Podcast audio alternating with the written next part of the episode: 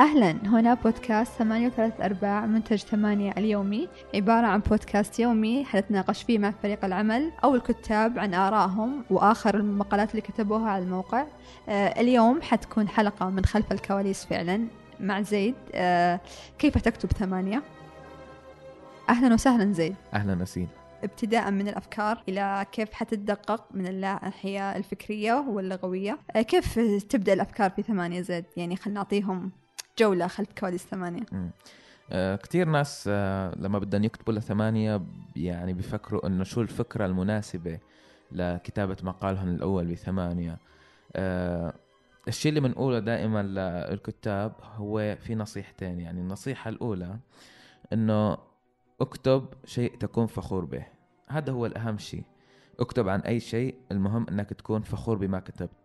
آه فهذا شيء مهم إنك تكون بس أنت يعني آه، يكون عندك الإحساس بشو المطلوب هو ببساطة شيء أنت فخور فيه.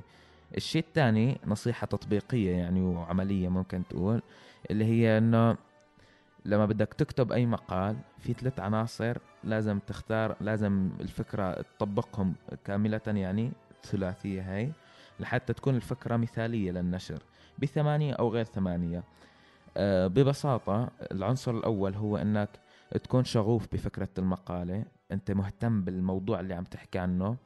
والعنصر الثاني إنه القراء ممكن يكونوا شغوفين بفكرة المقالة أو شغوفين بإنه يبحثوا شوي أكثر عن هذا الموضوع.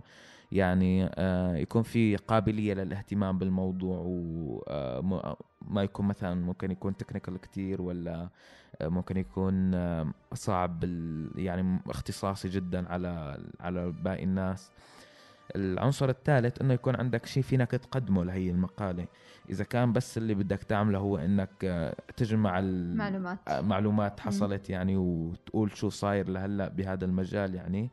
فيعني هذا أمر آه، أقل من الكتابة الصحفية. يصل إلى درجة يعني البحث ممكن البحث الصحفي. لكن آه، لو بدك تقدم شيء يغير الإنسان كهدفنا بثمانية فإنه من الضروري إنه يكون آه، شيء فينك تقدم فيه معلومة جديدة قيمة جديدة للقارئ يعني. فبهي الطريقة الكاتب يجد الفكرة. ممكن يناقشها معنا أحيانا. لدراسة آه، كيفية ترتيب الأفكار في المقال وكيفية هيكلة المقال وكيفية إيجاد مصادر أخرى للمقال. طيب بعد ما نخلص من كتابة المقال ينتقل إلى مرحلة التدقيق والتحرير. آه، الخطوة الأولى بالتحرير هي التحرير الصياغي والتحرير الفكري. آه، اللي فيها بنناقش أولا آه، هل المقالة صحيحة فكريا؟ هل الآراء المذكورة مثلا؟ آه، آه، مؤدلجة إلى حد متطرف مثلا ممكن تكون آه، بعض الأفكار آه، غير صحيحة علميا أو منطقيا أو ممكن تعتمد على مقدمات منطقية خاطئة. آه، بعدين بيجي التفكير التح... التحليل الصياغي واللي فيه من من. منحرر مثلا ترتيب الأفكار هيكلة المقاله هيكلة الجمل ترتيب الكلمات في الجمل يعني مثلا اللغة العربية ممكن نميل فيها إلى بدء الجملة بالفعل هذا مثلا للكتابة بالويب تحديدا. آه لجذب القارئ. تبدأ بالجملة بفعل بدل ما تبدأه باسم. وهون بيجي دور التحرير الصياغي. آه، ممكن تتأثر لغة الكاتب باللغة مثلا الإنجليزية فتجي بعض الجمل وكأنها لغة آه، جمل يعني آه، جمل إنجليزية مترجمة حرفيا إلى العربية. مم. هي أحد المشاكل اللي بتواجهنا بالتحرير الصياغي. وبس نخلص من التحرير الصياغي يتبقى التحرير الأملائي واللغوي. وهون أنا شغلتي بإني آه، براجع آه، براجع المقاله نحويا واملائيا آه، براجع تطبيق القوانين وقواعد الكتابة في ثمانية وقوانين وقواعد الكتابة للويب. وممكن مثلا المرادفات اختيار مرادفة أفضل ل- الأفضل يعني. نعم للكلام. آه، فهذا هو اللي بعمله بثمانية. إذا دخلت موقع ثمانية إيش تحس ال- الثمانية عن إيش بيتكلم؟ أو الهوية العامة. يعني كل المقالات رغم اختلاف أفكارها لكن فيها بصورة معينة أو أو طابع معين.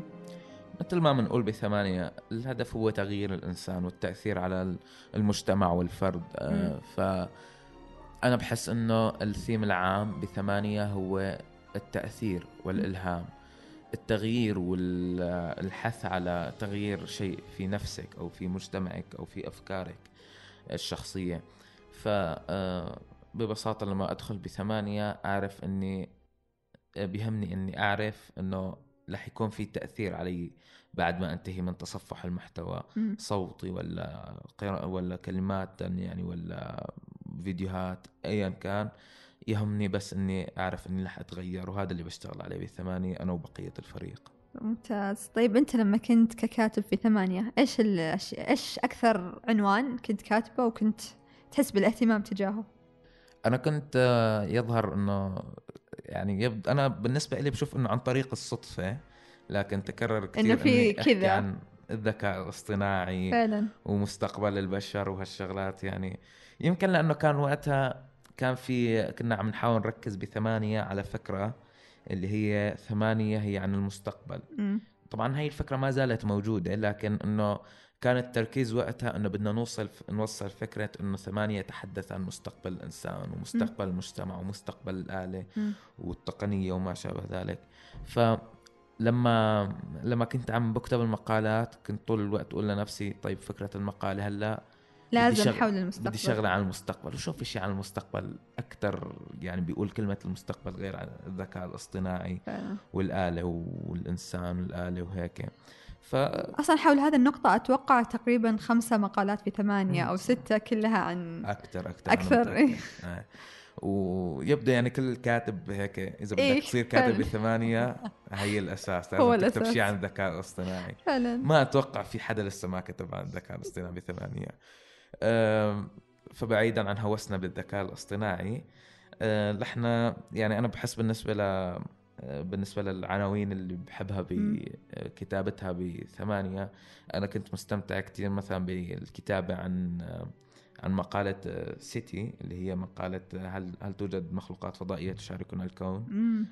و أصلا هذه المقالة تحولت بعدين ل... لفنجان صح؟ إيه نعم. هي أتوقع أتذكر إنه كان كانت بالاساس فنجان. مم. بعدين؟ ونشرت فنجان و... ونص يعني.